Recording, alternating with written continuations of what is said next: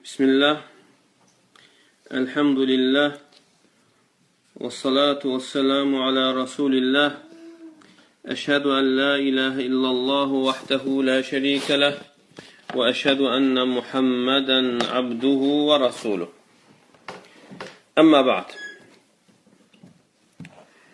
E, Kəf surəsinin təfsirinə başlayıq inşallah. İbn Kəsir rahimehullah buyurur, Suratul Kəf və hiyə Məkkiyyə. Kəf surəsi Məkkə surələrindəndir. Raval İmam Əhməd anil Bəra radiyallahu anhu yəqulu qara'a raculun il-kəhfə və fiddari dəbbətun fəcəalə tənfir. İmam Əhməd rəvayət edir Bəra radiyallahu anhudan ə, və deyir ki, bir kişi Kəf surəsini oxuyur və həyətdə də bir heyvan var idi və heyvan vurnuxmağa başlayır, tərpənməyə başlayır. Fənazara fəizə dababətun əv səhabətun qad qaşiyyəthu. Və birdən baxır və görür ki, bir bulud onları bürüyüb və o heyvanı bürüyüb. فذكر ذلك للنبي صلى الله عليه وسلم فقال اقرأ فلان فإنها السكينة تنزل عند القرآن أو تنزلت للقرآن Və Peyğəmbər sallallahu aleyhi və səlləmə bu hadisəni zikr edir, danışır və Peyğəmbər sallallahu aleyhi və səlləm buyurur ki, ey filan kəs, sən oxu, e, bu səkinət idi, e, Quran oxuyarkən nazil olur və yaxud Quran üçün nazil olmuşdur. Hədis Buxari Müslimdə keçir. Və hədər rəcul ləzi kən yətluhə huvə Useyd ibn Hudeyr radiyallahu anhu kəmə təqəddəmə fi təfsir surətil Bəqara. Və bu Quranı oxuyan kişi isə Useyd ibn Hudey radiyallahu anhu idi. Necə ki, bu Bəqərə surəsinin təfsirində gələcək. وروى الإمام أحمد عن أبي الدرداء رضي الله عنه عن النبي صلى الله عليه وسلم قال من حفظ عشر آيات من أول سورة الكهف عصم من الدجال Həmçinin İmam Əhməd rəvayət edir Abu Darda radiyallahu anhudan Peyğəmbər sallallahu aleyhi və səlləm buyurur kim Kəf surəsinin əvvəlindən 10 ayə əzbərləyərsə, Dəccaldan qorunar. Hədisi Müslim rəvayət etmişdir. Abu Davud, Nəsə və Tirmizi və bu ləfz Tirmizinindir və Tirmizinin ləfzinə gəlir ki, mən hafıza sələtə ayət min əvvəli kəf. Kim kəf surəsinin əvvəlindən 3 ayə əzbərləyərsə. Və buyurur ki, Həsən sahih, hədisin, hədisin dərəcəsi Həsən sahihdir. Və qad əxrəcəu əl-hakim fi mustadraki an Əbi Səid radiyallahu ta'ala anhu anin Nəbiyyə sallallahu aleyhi və sələm ənəhu qal.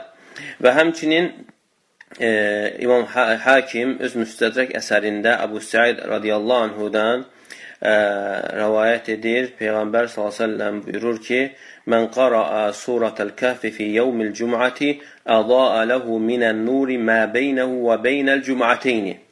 Kim Kəhf surəsini cümə günü oxuyarsa, onun üçün onunla iki cümə arasında nur saçar. Ee, sonra buyurur, Hədə hədithun sahil isnad, bu hədisin isnadı səhiddir və Buxar Müslim bunu təxric etməmişdir. Və həkədə ravahu Hafiz Əbu Bəkir Əl-Beyhəqi fi sunənihi anil hakim və həmçinin Əbu Bəkr Əl-Beyhaqi rahimehullah da üstünün əsərində hakimdən rəvayət etmişdir. ثم روى البيحقي بإسناد أن النبي صلى الله عليه وسلم قال من قرأ سورة الكهف كما نزلت كان له نورا يوم القيامة və həmçinin digər rəvayət gətirir və orada Peyğəmbər s.ə.v buyurur kim Kəhf surəsini oxuyarsa e, nazil olduğu kimi qiyamət günü onun üçün bir nur olar. Və bundan sonra Şeyx Xalid Osman e, rahim e, hafizəhullah buyurur ki, e, Abu Darda radiyallahu anhun hədisi Mən hafizə aşrayət min əvvəli surətil kəf usumi minəd-dəccal kim Kəf surəsinin əvvəlindən 10 ayə əzbərləyərsə e, Dəccaldan qorunar. Digər rəvayətdə isə oxuyarsa oxuyarsa e, və həmçinin digər rəvayətdə gəlir ki, axırından 10 ayə oxuyarsa və yaxud əzbərləyərsə. Və burada yəni oxumaq deyildiyi zaman ə, e, əzbərləmək, bilmək, ə, e, dəqiq şəkildə öyrənmək mənasını verir. Ə, e, çünki o vaxt qarilər deyildiyi zaman e, ilm əhli nəzərdə tutulurdu. Yəni onlar Quranı bilməklə yanaşı onların yəni elmi də var idi.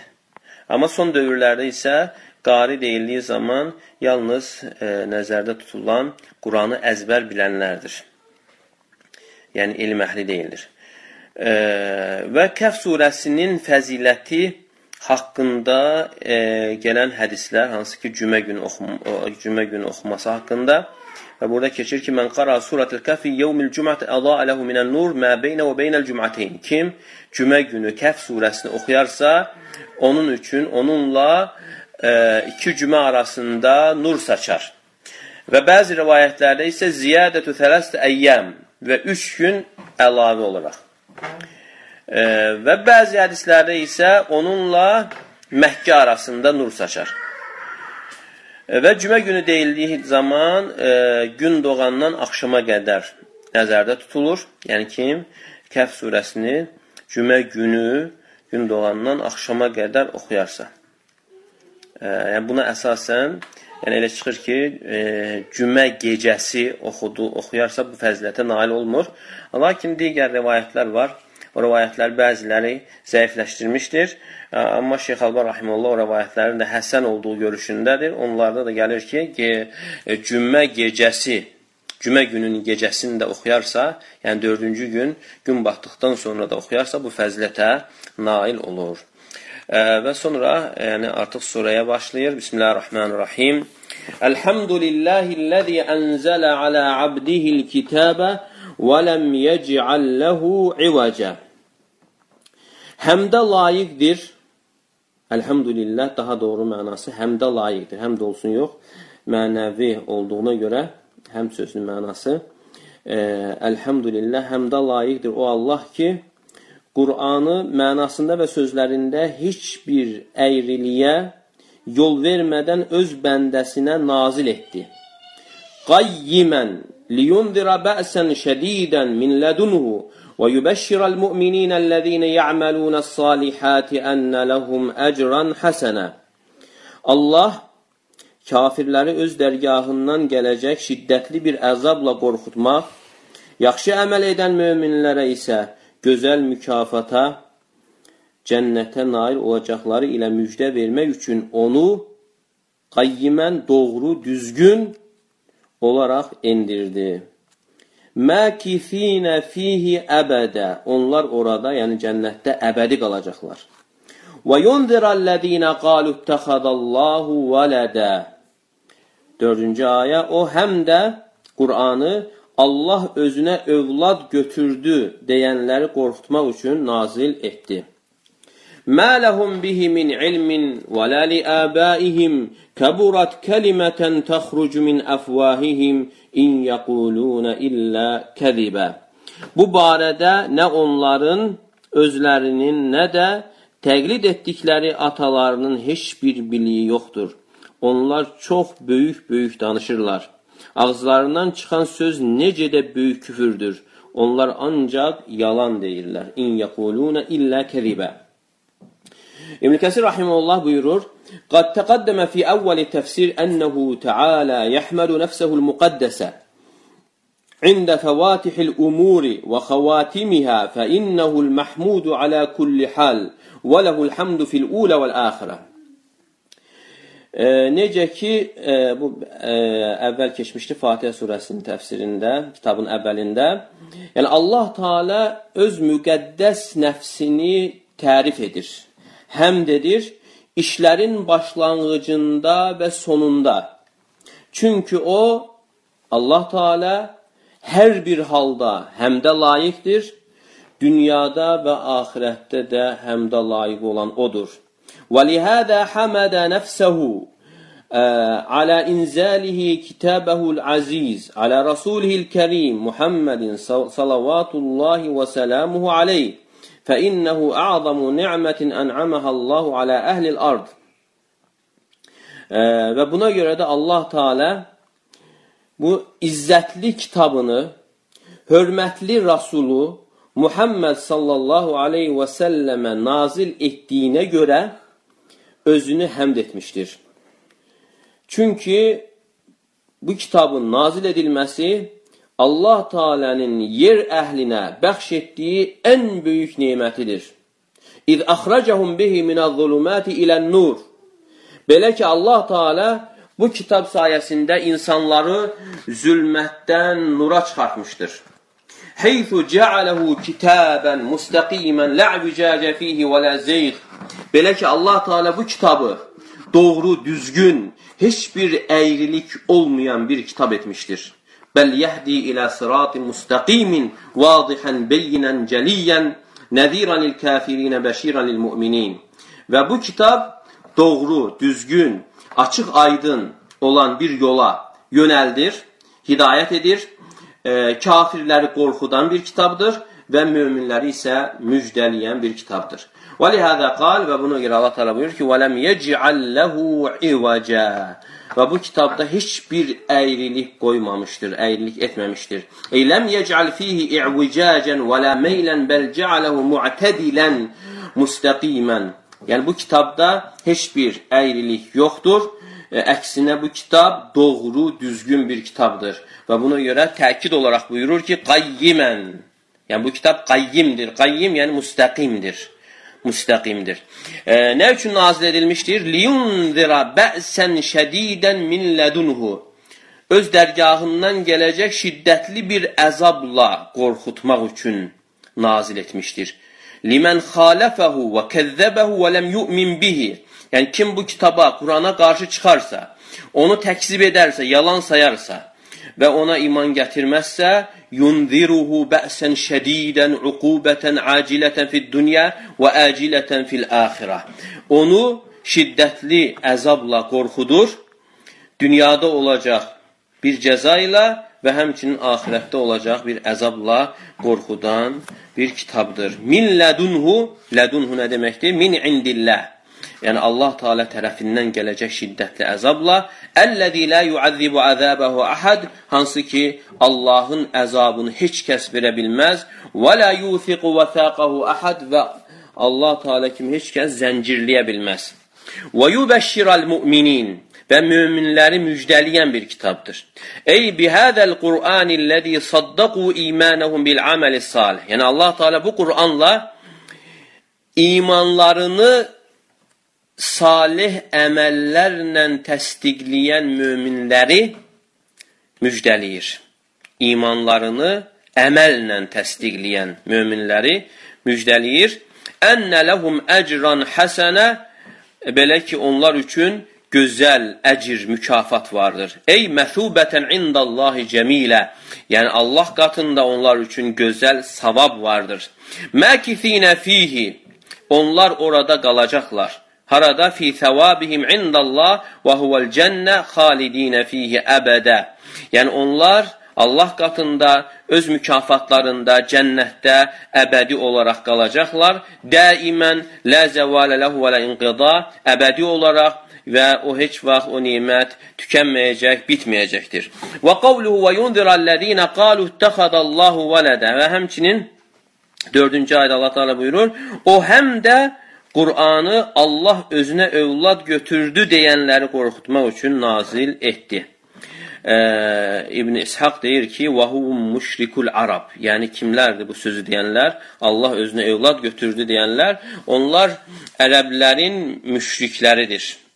Ee, onlar dedilər ki, biz mələklərə ibadət edirik, onlar Allahın qızlarıdır.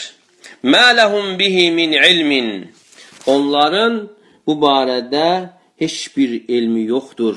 Ey bihədəl qavlilləzi iftaravhu və təfəkuhu onların iftira etdiyi, yalandan iftira etdikləri və qondardıqları bu söz barəsində onların bir elmi yoxdur. Və ləli əbəyim və həmçinin atalarının da, əcdadlarının da bir elmi yoxdur.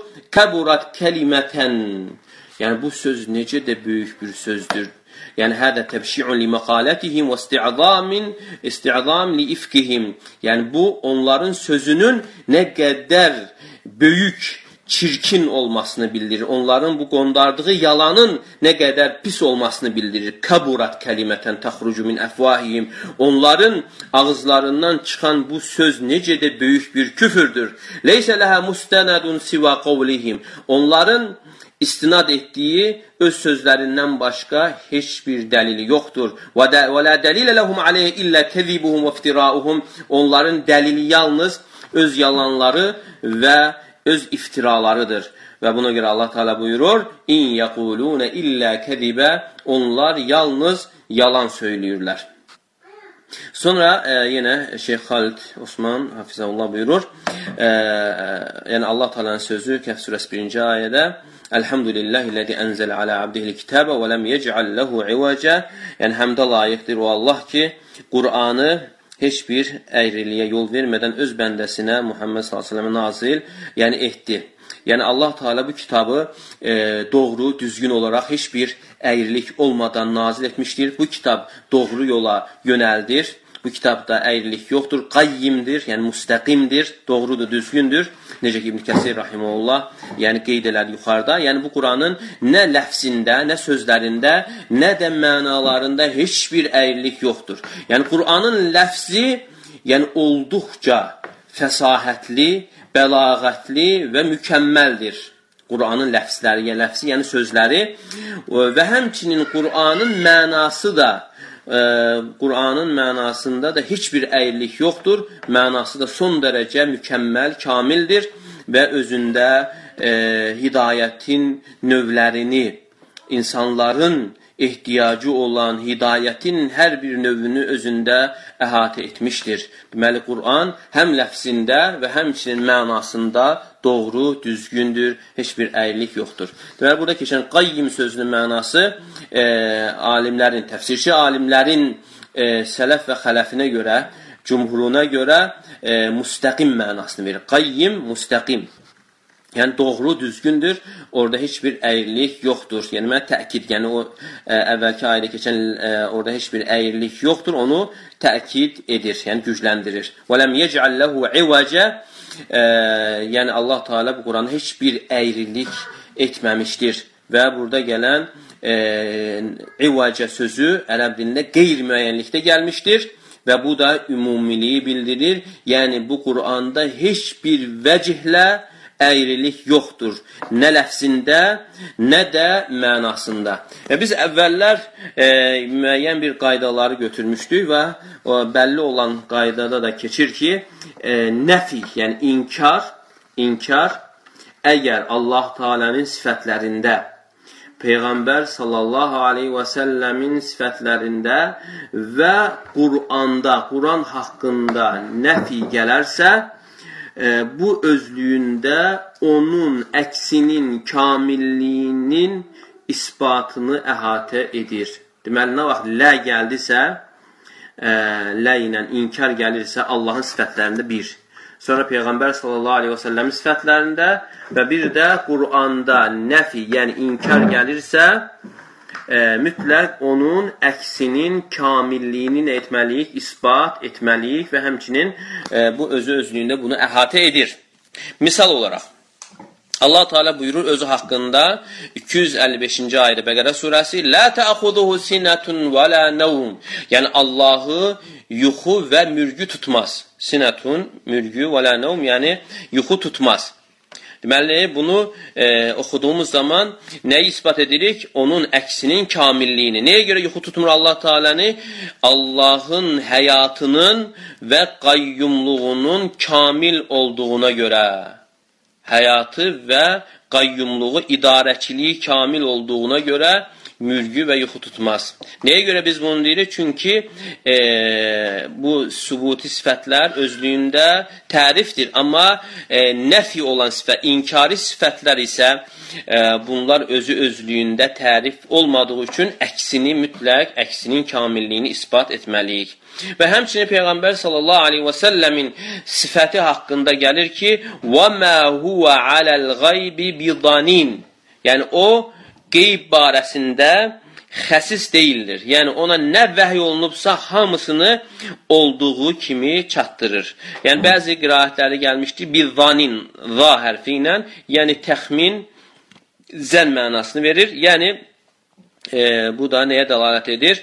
E, yəni Peyğəmbər sallallahu aleyhi və səlləm e, təbliğ etdiyində, Qurandan çatdırdığında yəqindir, heç bir şəkki, şübhəsi yoxdur. Amma dadla gələndə bir danin, yəni xəsis deyildir, onu olduğu kimi təbliğ edir, çatdırır.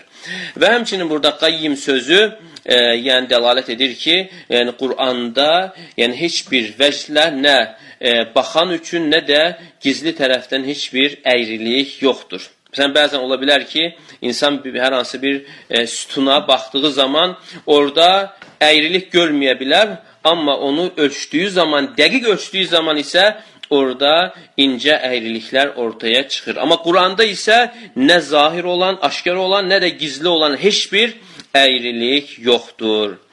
E, Liyunzira bə'sən şədidən millədunhu. Yəni Allah Teala öz dərgahından gələcək şiddətli əzabla yəni qorxutmaq üçün bu Quranı nazil etmişdir. Və yubəşşirəl mu'mininəllezine ya'maluna salihat enne lehum ecrun hasana və gözəl əməl e, yaxşı əməl edən möminləri isə e, gözəl mükafatla müjdələmək üçün. Və min lədunhu bu keçdi mənası min lədunhu Allah Taala tərəfindən, Allah Taala dərgahından e, və e, möminləri əməl salih əməl edən möminləri müjdələmək üçün onlar üçün gözəl mükafat olacağı haqqında.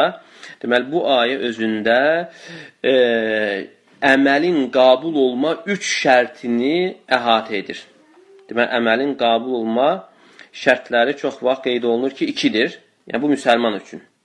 Amma müsəlman deyilsə, onda üç şərt. Birincisi iman, ikincisi ixlas, üçüncüsü isə sünnəyə müvafiq olmaq. Deməli, və yubəşşirəl müminin, möminləri müjdələmək üçün, deməli, birinci şərt imandır. Əgər insan hər hansı bir əməli Allah rizası üçün edərsə, sünnəyə müvafiq şəkildə, amma o özü özlüyündə mömin deyilsə, iman gətirən insan deyilsə, onun əməli qabul deyildir. Çünki Allah Teala buyurur ki: "Və qadimna ilə mə amilu min amalin fec'alnahu haba'an mansura." Furqan surəsi 23-cü ayədə. Yəni biz onların əməllərini ha, qiyamət günü havada uçan toza döndərəcəyik. Deməli, e, əməl e, salih sayılmır, salih ola bilməz, e, xalis və doğru olmadıqca. Deməli, əməlin salih olması üçün əməl ixlaslı olmalı, yəni Allah üçün olmalı və eyni zamanda da Allah Teala'nın buyurduğuna uyğun şəkildə olmalıdır ki, əməl qabul olunsun. Deməli, bu ayədə əməlin qabul olma üç şərti də keçir, özündə əhatə edir. Və yunzirəl-ləzīnə qalu ittəxədəllahu vələdə e, və həmçinin yəni o həm də Qur'anı Allah özünə övlad götürdü deyənləri qorxutmaq üçün nazil etdi. İbn Kəsir rahimehullah bu ayənin təfsirində deyir ki, İbn İshaq belə buyurur, bu sözü deyənlər e, müşrik ərəblərdir. Onlar deyirlər ki, biz mələklərə ibadət edirik, onlar Allahın qızlarıdır e, və burada Şeyx Xalid e, buyurur ki, e, yəni bu tək onları yox, Yahudiləri də, xristianları da əhatə edir. Çünki xristianlar dedilər ki, Məsih Allahın oğludur. Yahudilər isə dedilər ki, Üzeyr Allahın oğludur.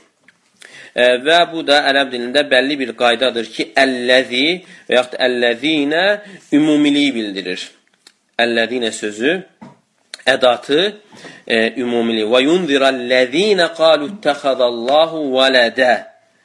Allah özünə övlad götürdü deyənləri, o kəslər ki, Allah özünə evlad götürdü dedilər, onları da qorxutmaq üçün ümumidir. Həm ərəblər daxildir bu sözü deyən və eyni zamanda xristianlar və yahudilər də bura daxildilər. Yəni bu sözü deyən hər bir kəs bu ayəyə daxildir. Allah Teala e, bu Quranla onları da qorxudur. Elə bil ki, bu ümumi e, təhdid gəldikdən sonra yenə xüsusilə e, bu sözü deyənlərin e, təhdid olunması zikr olunur. Liyundira bə'sən şədidən millədunhu. Yəni bundan öncəki ayədə Allah Teala buyurur ki, e, özünün dərgahından öz dərgahından gələcək şiddətli bir əzabla qorxutmaq üçün e, bura sözsüz ki, e, kafirlər daxildir. Və eyni zamanda bu sözü deyənlər də daxildir. E, və bu da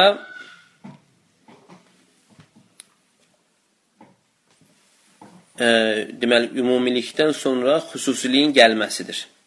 Və bəzən də e, onun xüsusi bir məziyyəsi olduğu üçün zikr olunur. Bəzən yaxşı məziyyəsi, yəni halı, sifəti olduğu üçün ümumilikdən sonra xüsusilik vurğulanır və bəzən də pis məziyyəsi olduğu üçün vurğulanır. Misal olaraq Bəqərə surəsi 238-ci ayədə Allah Teala buyurur: "Hafizu alas-salavati was-salatil-wusta və qumu lillahi qanitin." Siz namazlarınızın üzərində möhkəm olun, namazlarınızı qoruyun və xüsusən də orta namazı, əsr namazını qoruyun və Allahın qarşısında müthiş şəkildə durun. Deməli namazları qoruyun və orta namaz, əsr namazı daha mühüm olduğu üçün, yəni ayrıca vurğulandı. Və həmçinin Bəqərə surəsi 98-ci ayədə Allah Teala buyurur: "Mən kana aduvan lillahi və mələikətihi və rusulihi və Cibrilə və Mikələ fə innallaha aduvun lil kafirin."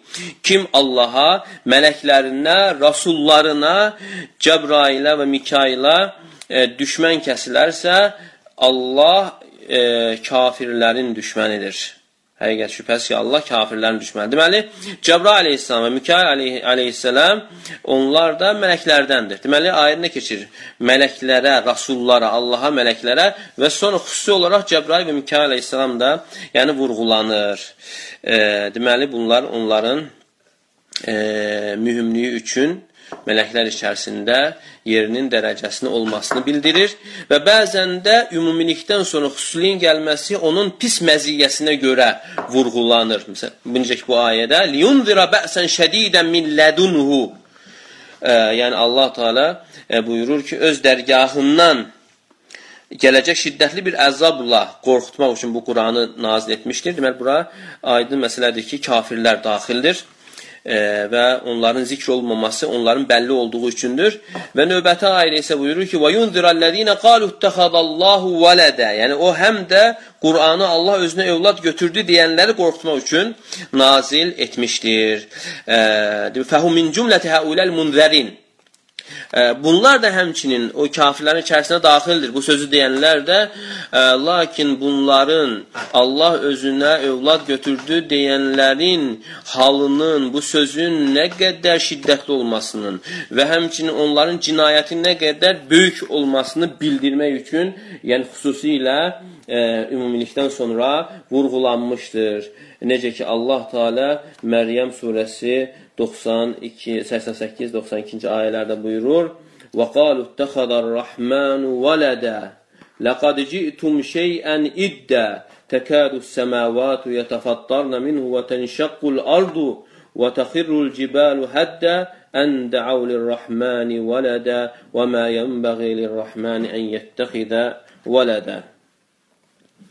Müşriklər Allah özünə övlad götürmüşdür dedilər. Siz doğrudan da olduqca pis bir iş gördünüz. Çox böyük böyük danışdınız.